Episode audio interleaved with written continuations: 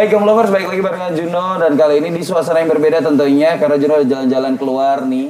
Sekarang Juno ada di Sanjaya Arsitektur dan bakal ngomongin atau kita bakal ngebahas mulik tentang Sanjaya Arsitektur dan juga selamat datang di Kiom Talk tentunya. Halo, selamat datang. Halo, selamat datang. Tak kenal maka tak sayang. Udah lama kenal tapi gak disayang-sayang. Iya.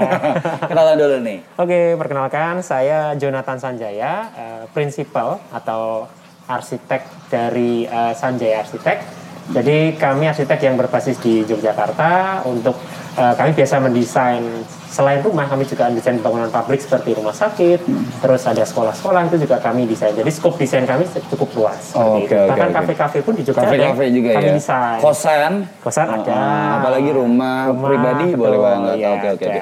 kan namanya eh, Jonathan Sanjay. Panggilannya adalah Jonathan. Jonathan. Iya. Oke, Mas Jonathan nih. Hmm. Ngomong-ngomong soal Sanjay Arsitektur itu sudah berdiri sejak kapan sih sebenarnya? Eh, sebenarnya gini, eh, untuk nama itu kami inisiasi, saya inisiasi itu dari 2016. Cuma 2016. eh, namanya arsitek dulu saya juga masih mencari menimba ilmu di konsultan lain, jadi Oh. belajar dulu gitu kan seperti itu.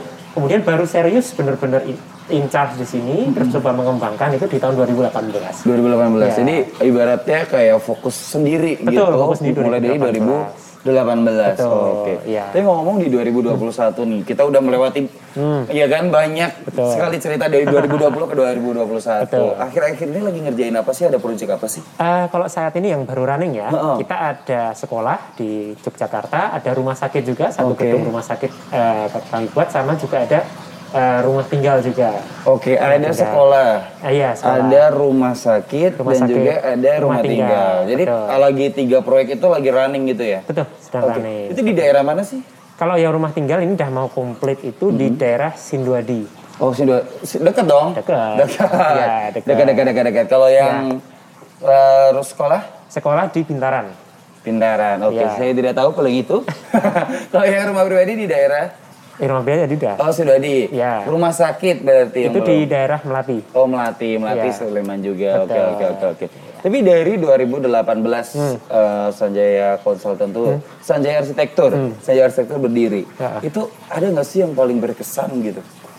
Eh, yang paling berkesan ya, sebenarnya semuanya berkesan, punya Oh. kesannya masing-masing. Cuma eh, something yang membuat menantang itu adalah salah satu proyek yang rumah yang mungkin baru mau jadi ini juga. Hmm. Oke. Jadi sudah proses dibangun gitu kan, itu ada rumah yang klasik seperti ini. Oke. Jadi dia rumah kita dapat tantangan si owner itu membuat pengen membuat rumah klasik. Tapi Oke. kami sebagai arsitek nggak pengen mungkin terbawa klasiknya itu alay notabene. Oh, oh, oh. Jadi klasiknya adalah elegan, tapi kesannya modern. Jadi orang tahu itu bangunan baru, tapi desainnya klasik. Seperti itu. oke. Itu yang menurut kami berkesan. Oke, klasik tuh gimana sih yang klasik? Kalau aku kan kayak sus, sebenarnya saya nggak tahu ya. Hmm. Iya. Jujur aku nggak tahu kayak ini tuh klasik, minimalis gitu nggak Iya, tahu. iya. Oke. Eh, semua rumah yang catnya abu-abu saya pikir itu minimalis. ya kan karena minimalis eh, dulu kenceng banget orang-orang pakai cat abu-abu muda Hmm. Iya. dan abu-abu tua di mix Betul. Hmm. terus itu jadi minimalis kayak gitu. Terus eh, Skandinavian gitu-gitu kan saya kurang paham nih. Betul. Tapi eh, sebenarnya apa sih yang ngebuat si rumah itu kelihatan kalau itu tuh kayak tradisional bukan tradisional ya lebih ke etnik gitu tuh apa sih yang biasanya? Eh, sebenarnya ya itu yang pasti kalau arsitek itu eh, kalau kami dalam mendesain arsitek ya itu tidak semena-mena hanya menempelkan bedanya saja. Oh, oh. Jadi prinsip-prinsip dasar bangunan itu juga kita harus eh, terapkan ya. Misalkan bangunan minimalis modern gitu. Sebut saja modern gitu kan. Modern itu rata-rata sekarang lari ke minimalis. Jadi langgam itu jadi kayak dari eh, teorinya, jadi kayak dari sejarahnya itu dia memang eh, bangunan itu cenderung simpel, bangunannya simpel, bentuknya simpel, ornamennya simpel, fungsional.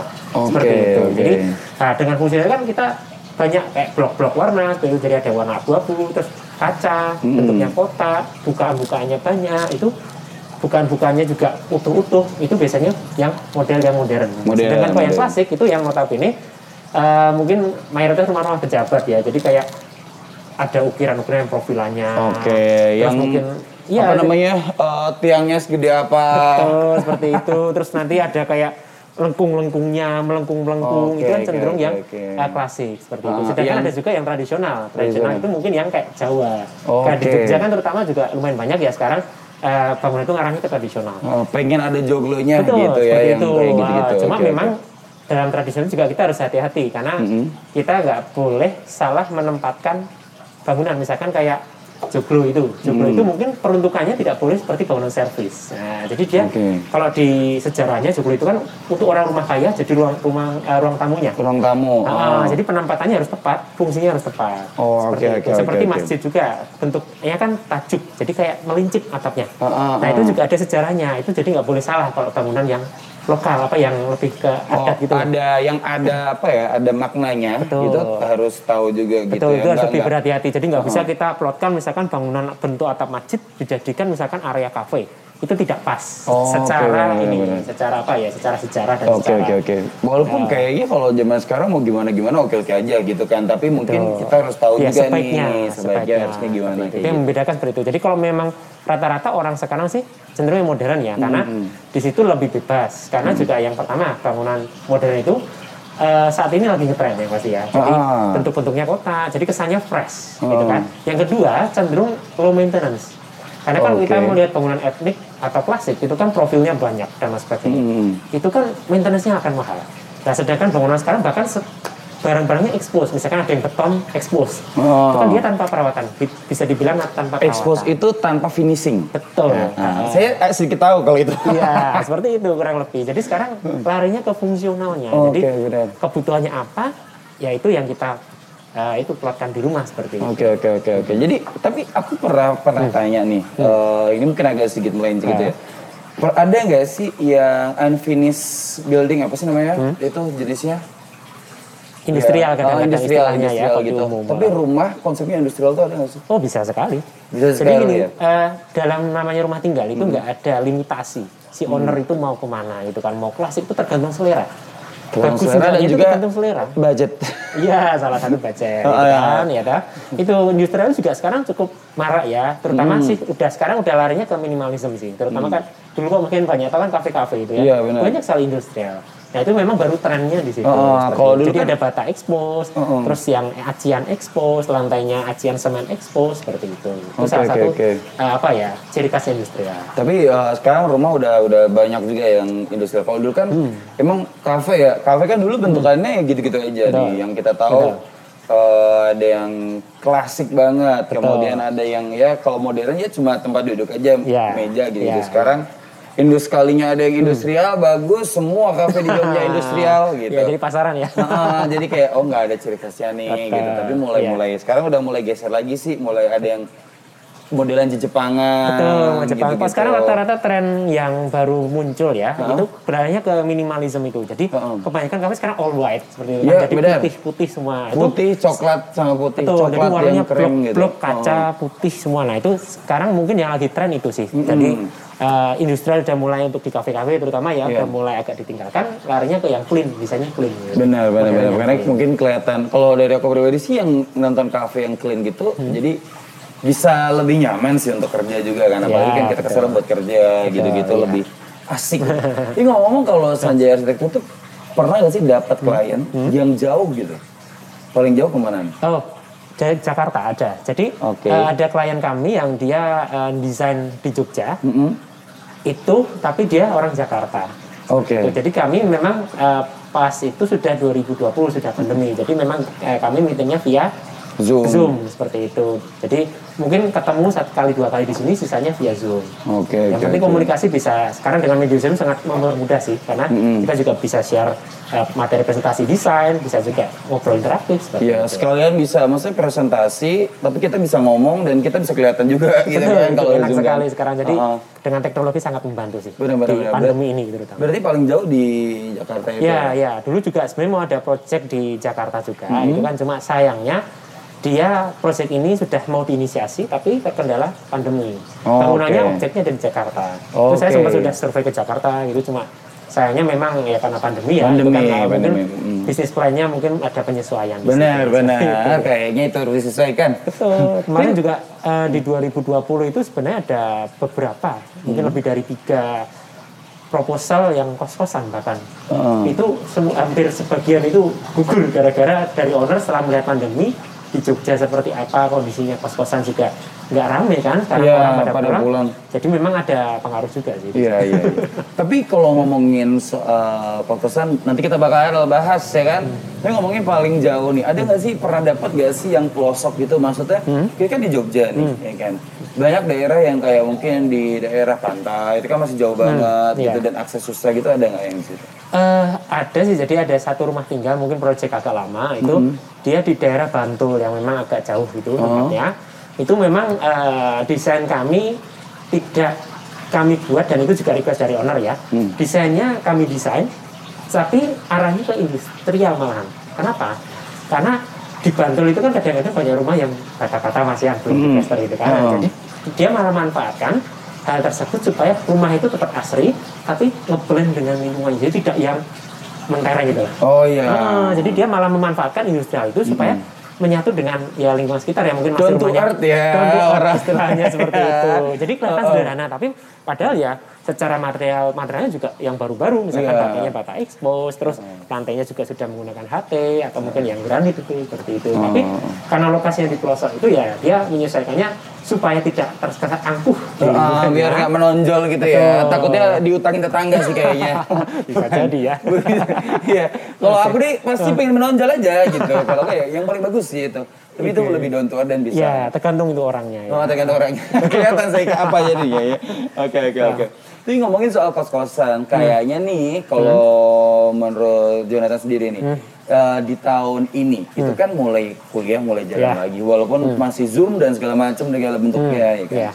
Eh, menurut kamu sendiri pembangunan akan makin kenceng gak sih di tahun ini? Karena beberapa orang itu yang aku temui itu ngomong bahwa 2022 tuh kayaknya bakal mulai new new new normal banget gitu, Betul. yang mana Iya. mulai tatap muka, Iya, sekolah, mulai gitu. Ya, mungkin sih kalau trennya sudah mulai meningkat lagi walaupun belum sekencang 2020 ke belakang ya. Iya. Karena mungkin eh, salah satunya mungkin kayak Universitas di Jogja kan juga mulai namanya ranking berapa di Indonesia itu kan Hmm. di sebelum 2020 kan mengangkat banget.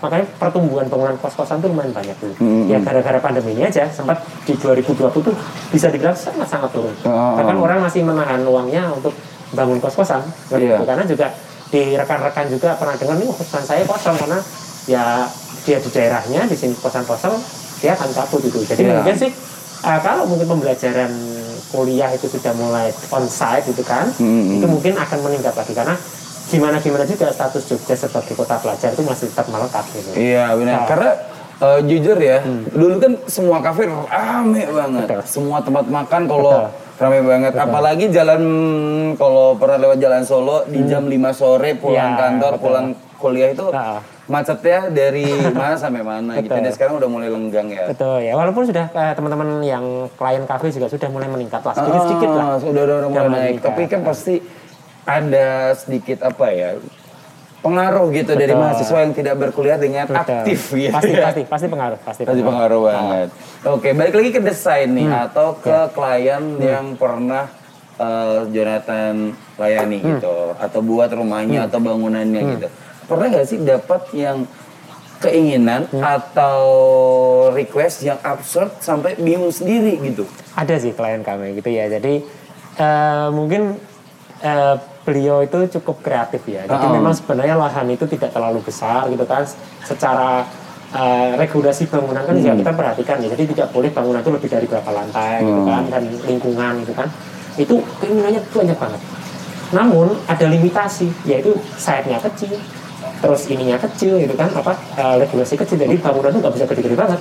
Tapi mereka banyak ada minta kolam renang indoor pernah jadi kayak sangat-sangat unik gitu loh. Oke, Ya, oke. tapi gimana gimana juga tetap eh, dari arsitek eh, ya memang kita harus apa ya mengakomodasi klien tapi kan kita juga memberikan konsiderasi ya Hmm. Iya. misalkan kolam renang seperti ini itu akan efeknya apa seperti itu tapi kembali lagi semua atas pilihan klien yang pasti kalau misalkan kita mem- me- apa ya mengupload sebuah desain seperti ini gitu kan itu nanti ada positifnya negatifnya tuh nah, kita paparkan semua ke Hmm. owner ke klien nah nanti klien yang menimbang juga menimbang apakah desain itu diambil apa enggak misalnya kayak tadi kolam renang di dalam rumah gitu kan dengan Hmm. Iya. yang sempit itu Itu yang ada kita masuk langsung renang ya, buka Iya. pintu langsung Ya, renang. idenya kita. mungkin baik gitu kan cuma memang ya ada limitasinya misalkan dengan kolam renang yang terlalu kecil itu kan tidak bisa buat renang ideal Ah, karena kan misalkan rata-rata ideal itu renang itu 4 kali 8 ya itu Ah. minimal lah itu lebih dari itu akan lebih baik karena renangnya Bisa jauh. Kalau bisa beneran gerak gitu Iya, ya. kalau eh, kalau renang terlalu kecil, Eh, kolam cupang. Iya. Jadi kolam cupang. baru gini udah kejeduk. Iya benar. Muternya nggak bisa. Benar. Ini jangan-jangan kolamnya ini lagi kolam ikan ya kan. Ikannya nggak bisa berenang gitu. Nah, Oke, itu. Jadi oke. mungkin hal-hal itu ya memang kita ya sampaikan ke owner misalkan ah, mungkin idenya gila gini kan gini gini gini nggak apa-apa gitu kita kita coba berikan pertimbangan alternatif gitu kan. Diskusi ya, ya gitu. nanti yang terbaik mana yang paling ini mana yang itu yang kita pilih. Oke oke oke oke oke oke. Selain kolam renang di dalam rumah yang sempit, ada lagi nggak nih? Eh, apa ya mungkin sisanya sih seperti masih eh, umum lah ya masih bisa kita. Itu misalkan ternyata owner itu punya atap gitu kan. Ternyata setelah dibangun itu kan dia minta atap itu jadikan rooftop garden Oh iya. ya jadi kayak perubahan-perubahan itu sih paling yang membuat kayak apa ya something yang kita harus memutar otak karena kan kita sudah ada desain terus Mm. kita sudah mulai dibangun itu kan ternyata ada ide baru keluar Nah, Benar, itu, benar, benar. itu harus gimana caranya supaya tetap ciamik secara tampak tapi ya fungsi yang diinginkan owner kalau Tetap misalkan bisa. eh, kita memungkinkan kita akomodasi secara struktur itu Hmm. ya kita laksanakan Tapi ngomong-ngomong soal Sky Garden itu sekarang lagi banyak banget orang yang entah kenapa Ah. gitu. Aku ketemu eh, papa mama teman-teman saya yang lagi membangun rumah tuh pengen banget gitu. Aku pengen punya bar nih mas di atas rumah gitu ya kan. Pengen ada kebun gitu. Karena mungkin di bawah udah full kali ya. Ada garasi, ada apa, ada apa Iya. gitu. Dan mereka buatnya di Iya, atas betul. gitu. Oke oke. Tapi kalau ngomong dari Jonathan sendiri apa sih yang disenangi dari style untuk bangun rumah dari Oke. Personally ya? Personally ya, oke. banyak banget nih style yang Betul, ada dan sebagai seorang arsitek kan harus mengikuti apa maunya klien. Iya. Tapi secara personal tuh sukanya yang kayak apa? Betul. Kalau- Jadi uh, walaupun kita owner ada apa ya kayak masukan kami pengen seperti ini, tapi arsitek harus punya prinsip, ya kan? Kita harus punya prinsip, harus punya ciri khas. Seperti itu mungkin uh, prinsip yang mungkin banyak kalau mungkin juga di desain itu ya itu salah satunya gimana gimana juga itu kita ada di negara tropis. Iya. Jadi arsitekturnya cenderung ke tropis. Misalkan klasiknya, ya contoh ya misalkan tadi bicara klasik ya Hmm. klasik itu kalau misalnya kita bicara memindahkan bangunan dari Eropa masukkan ke sini itu nggak pas karena nanti nggak tahan cuaca karena di sana mungkin curah hujannya nggak tinggi Di sana dingin juga lebih Iya kencang dingin jadi kayak beda beda seperti itu makanya misalkan rumah klasik itu kami buat arahnya ke Indis Oke. jadi Indis itu kalau misalkan di Jogja itu ada di 0 km itu kan ada bangunan-bangunan lawas ya Heeh. Nah itu mungkin eh, bangunan-bangunan itu oleh Belanda itu sudah disesuaikan dengan iklim-iklim Indonesia, lokal. oke. Iya, jadi hal-hal seperti itu. Oke. Nah itu mungkin yang juga eh, kita keluarkan dalam prinsip desain saya di mana walaupun bangunan style langgam apa pun di eh, Jogja terutama ya itu semuanya harus mengadopsi eh, arsitektur tropis di mana Oh, misalkan eh, tritisannya gede gitu kan. Jadi Tritisan itu adalah eh, kanopi. Jadi misalkan Kanopi. eh, jadi ada Ininya yang biar gini ya? Betul, ya. Oh. Jadi supaya kalau misalkan hujan deras nggak tahan bias. Oke, Nah, kan nggak ada tahan bias tuh nggak masuk Betul, airnya. jadi lantainya nggak basah misalnya Oke. lantai terasnya. Atau mungkin bisa diminimalisir untuk itu. Itu. Kemudian juga dari segi bukaan. Oke. Nah, kalau di Eropa sana kan cenderung tertutup. Misalkan ya klasik ya Hmm. kita bicara klasik. Itu kan nah kalau di sini beda. Kalau tutup panas gitu kan. Benar. Sedangkan di sini angin itu masih bisa enak gitu kan. Hmm. Bisa mengalir itu kan dibuka tuh masih oke. Jadi sepanjang musimnya misalkan kita beri bukaan itu nggak nggak sampai yang menyebabkan kedinginan dan sebagainya. Jadi kita ada cross ventilation, jadi bukaannya itu lebih dari satu, Oke. sehingga udara itu bisa masuk rumah, keluar rumah itu Oke tidak. oke oke. Contohnya aja eh, ruang tamu zaman dulu aja kita joglo ya kan, yang nggak ada tutupannya Betul. ya kan. Nah, itu Tetangga bisa lihat semua. Betul, sebenarnya itu uh, kalau mau tepat itu sebenarnya lebih ke itu ya arsitektur mengacu arsitektur lokal ya. Hmm. Di mana arsitektur lokal itu kan bergerak atas pengalaman nenek moyang kita. Benar. Kenapa jadi seperti itu kan? Oh ternyata nenek moyang kita, oh kok gini tuh uh, hujan tampias. Gitu. Makanya joglo kan emperannya yang dulu Panjang panjang-panjang ya, kan. oh. Terus juga rendah-rendah kan supaya kok ada hujan itu nggak sampai masuk terlalu dalam. Oke oke oke oke oke. Jadi lebih ke apa ya kalau kalau ngomong ya. Jadi yang lebih ke fungsional dan Betul. juga sesuaiin sama Ya, iklim betul. di Jogja. Jadi misalkan juga. maunya modern itu kan, itu bisa juga. Tapi pasti kita memperhatikan uh, unsur-unsur lokal. Jadi misalkan Hmm. kaca gitu kan. Kaca itu kok di sini kan panas banget nih di Hmm. Indonesia. Matahari timur dan barat terutama barat gitu kan. Hmm. Jadi, misalkan kita terpaksa ada bukaan di arah barat.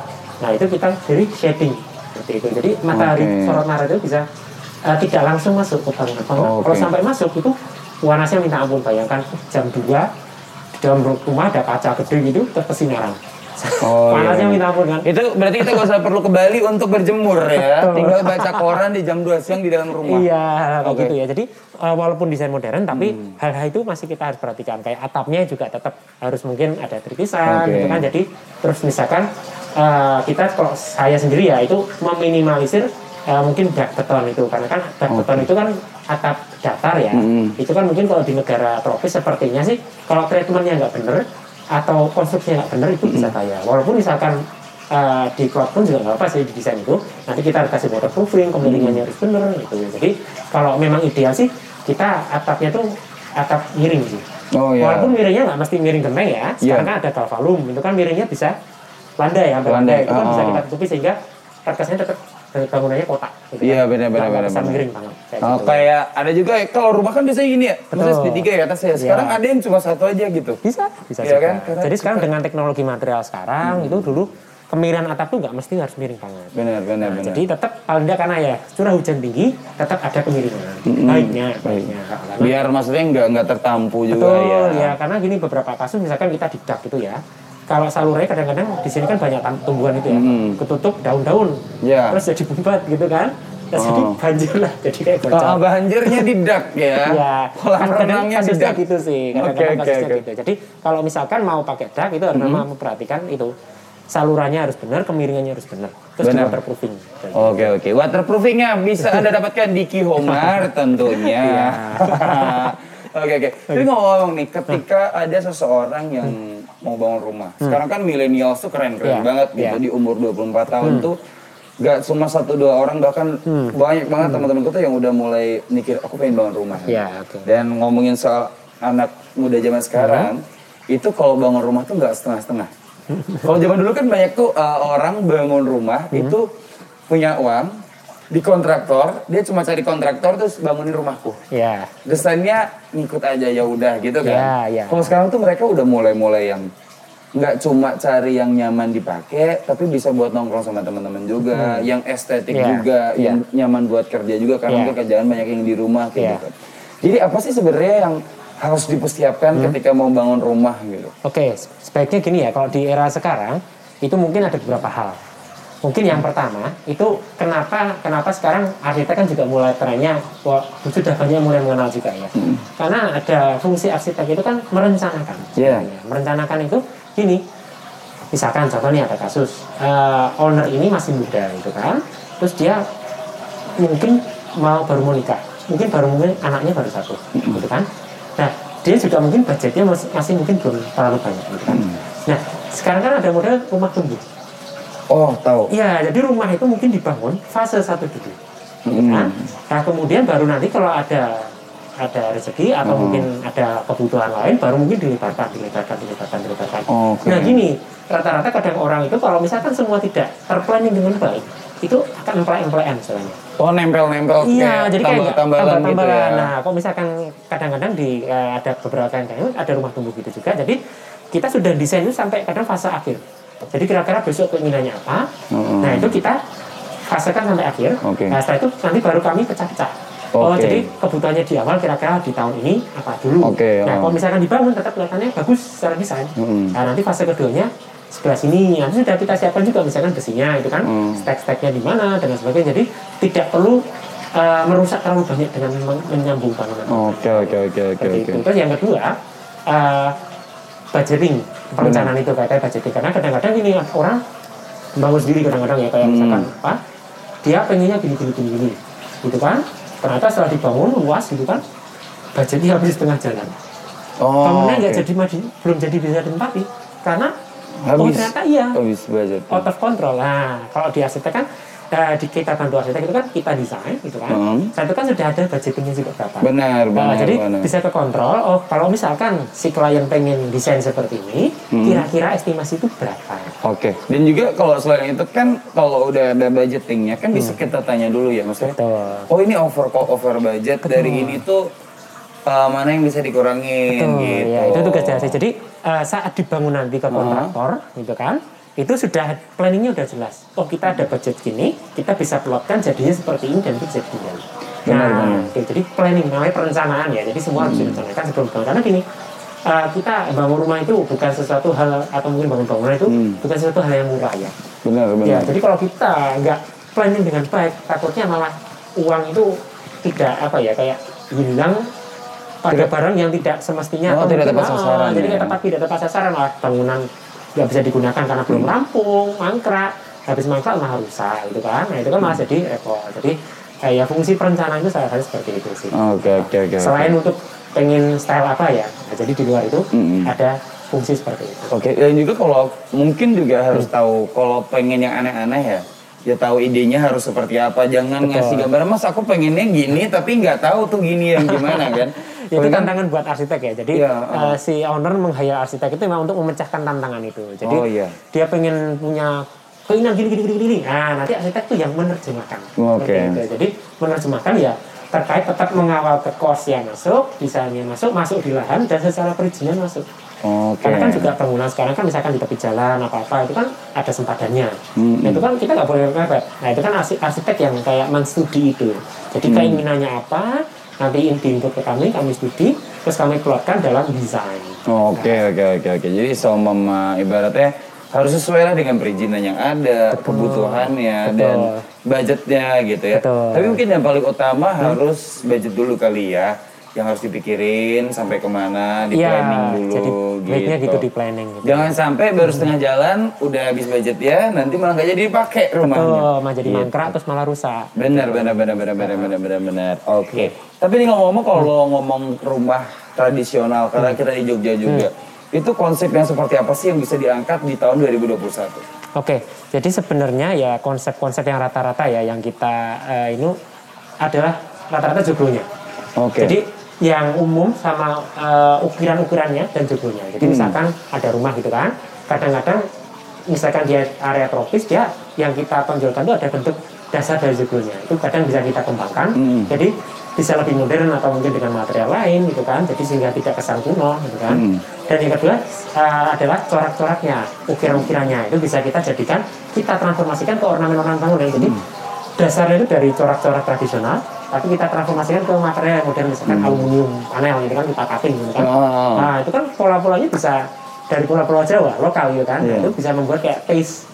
Jogja Benar, gitu benar, benar, benar, benar. Mungkin eh, ada hiasan pakai aluminium tadi kan sekarang banyak banget tuh hiasan Iya, jadi pakai aluminium Iya. kayak gitu yang Hmm. eh, ukiran lah atau Betul. malah yang tem- tempat Iya, gitu kan betul. ada ada juga. Oke oke oke. Gitu. Tapi kan sekarang itu banyak juga orang yang pengen bangun rumah tuh sekali Hmm. tapi tetap eh, stylish atau bertahan lama sampai Hmm. kapan pun itu kayak Iya. gitu. Ada gak sih desain sebenarnya yang bisa mengakomodasi keinginan seorang klien mungkin Iya.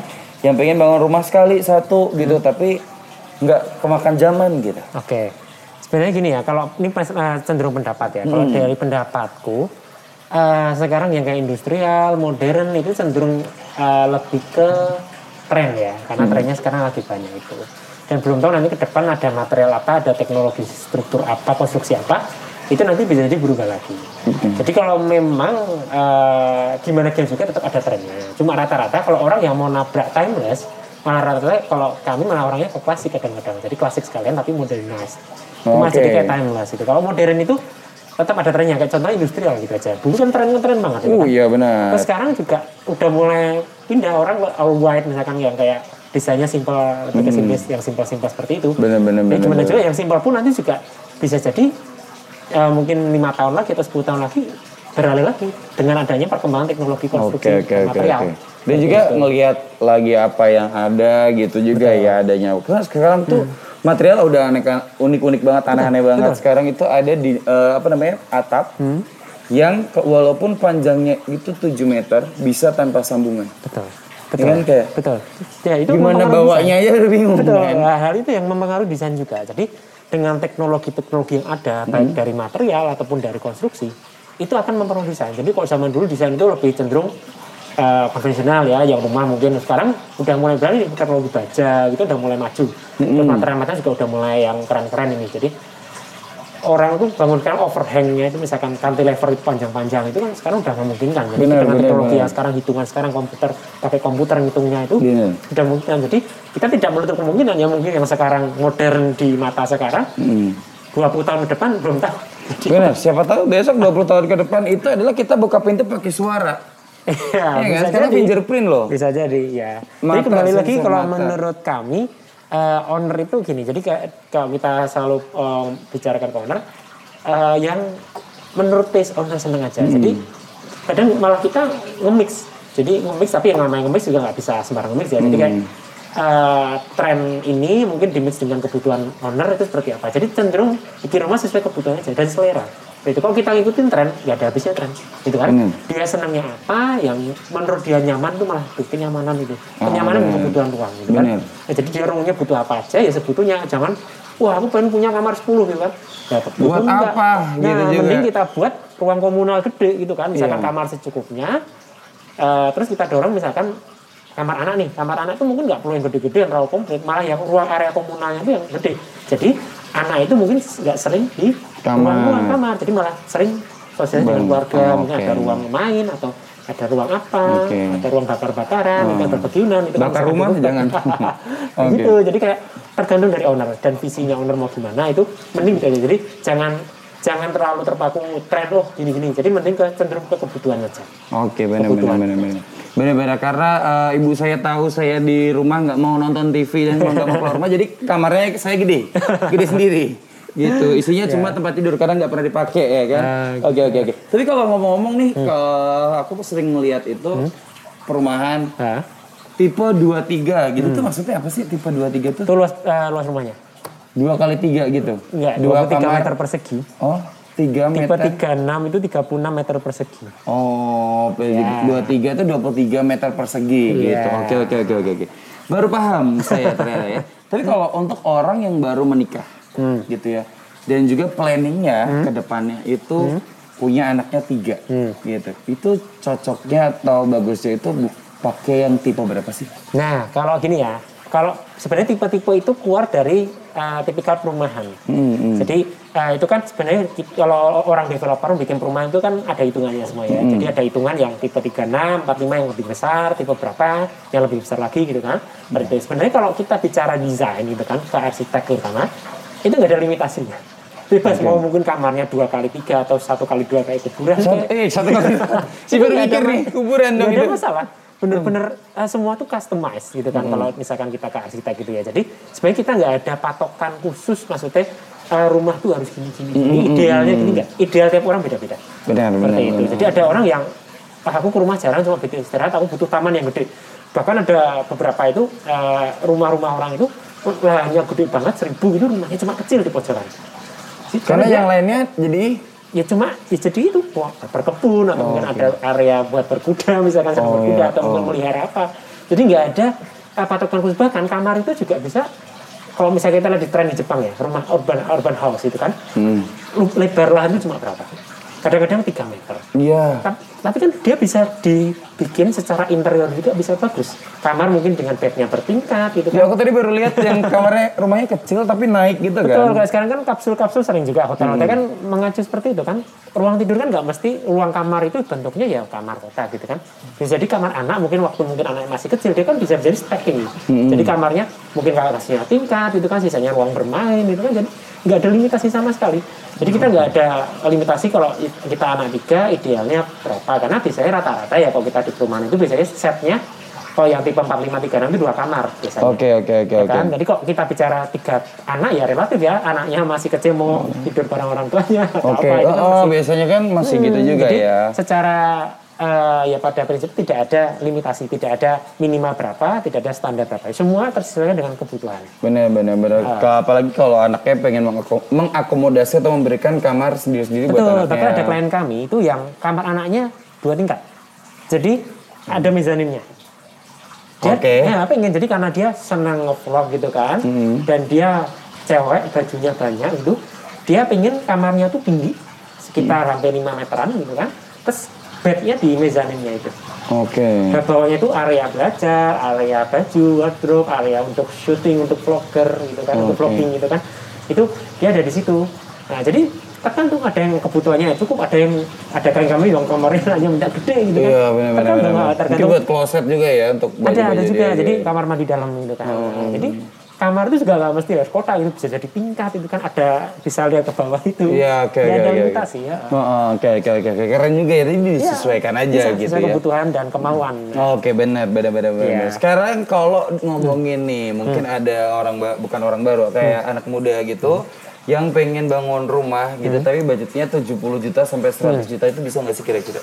Eh, sebenarnya gini ya untuk budget itu relatif tergantung gimana kadang-kadang kalau budget tergantung dia maunya Hmm. gimana. Kadang-kadang misalnya bangunan kayu gitu kan yang simpel gitu mungkin budget gitu bisa ya. Tapi kalau bangunan itu sih rata-rata kan ada standar berapa juta per meternya Hmm, itu sepertinya kalau misalkan budgetnya terbatas banget kadang-kadang sih kita nganjurin misalkan nih kita nggak bisa bertahapan rumah tumbuh gitu ya. Iya. kita menganjurkan untuk eh, tetap dibangun tapi bertahap. Misalkan pondasi dulu gitu kan. Oke. setelah itu setelah pondasi misalkan ada dana lagi dibangun lagi sampai atap tertutup gitu kan. Hmm. tapi belum diplaster nggak apa-apa.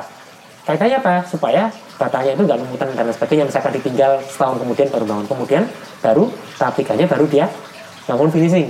Seperti itu. Jadi kalau eh, kami sarankan kalau ke klien-klien kami kadang-kadang kalau nunggu misalkan rumah ini satu miliar gitu kan misalkan ya asumsikan ada rumah satu miliar.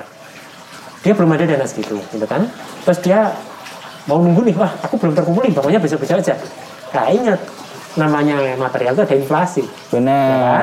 Jadi kalau kami menganjurkan ke klien kami, udah dana yang ada, misalkan bisa dibagi di tiga tahap itu, mending di istilah dicake dulu bahasa Jawanya. Di Disesuaikan, dipakai dulu yang dipakai bisanya apa. Betul, tapi dengan kita mempertimbangkan itu, misalkan kita tinggal itu nggak rusak, misalkan kita bikin pondasi nih, ada sampai stek-steknya, itu kita tinggal, itu kan nggak nggak ada kerugian kerusakan, ya kan? Mm. Mau tinggal setahun dua tahun itu misalkan bangun selanjutnya, nah itu kan setelah dua tahun ada dana dibangun lagi sampai atap. Atap Harus harus sampai atap ya. Ya, sebaiknya, sebaiknya sampai atap karena supaya batanya nggak lumutan, terus eh, supaya lebih lebih bersih lah dalamnya itu lebih terlindungi aja dinding-dindingnya itu. Itu baru itu pun kusen bisa terakhir misalnya pintu-pintu itu masuknya yang terakhir aja. Itu mungkin bisa ditinggal seperti itu. Terus baru mungkin kalau ada dana lagi finishing. Finishing Oh, baru jadi, masuk. uh, kalau misalkan ada dana mencukupi di fase-fase itu biasanya sih kami mengusulkan menganjurkan ke klien coba dibangun dulu aja. Yang penting ada perencanaannya. Oke, kan udah udah ada ada perencanaan. rencananya. Jadi udah mau dibangun kapan pun ya bisa aja akan sama gitu kan. Mm, mm, mm. Kecuali kalau lari-lari desainnya nggak tahu kan belum tahu ya. Itu kan Benar. desain sudah ada, kita sudah bisa pilah-pilah yang dibangun di fase ini mana dulu.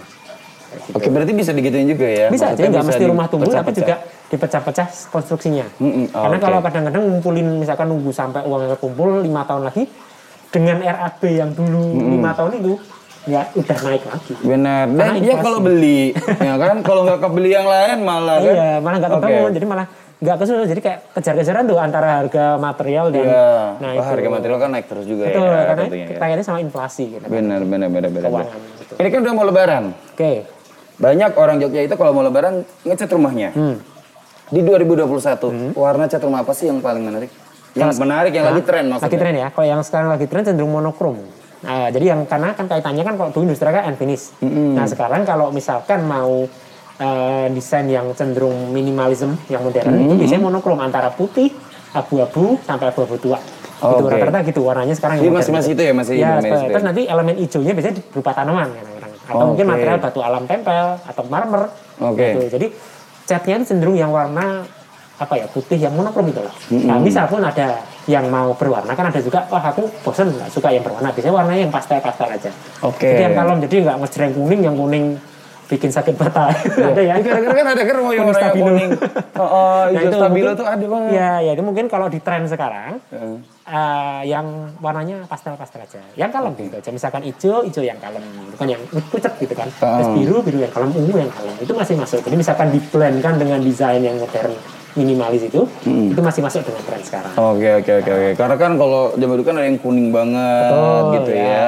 Oke oke. Tapi kembali lagi itu selera ya. selera, balik ke selera dan juga Kita tidak keinginan. bisa menyalahkan itu salah atau oh, benar. oh. Kan kita membuat rumah kan buat kita sendiri Betul, iya, gitu. Jangan dengerin orang lain. Karena ini dari tadi kita udah nanya-nanya, Ah. sudah nanya-nanya kayak ujian.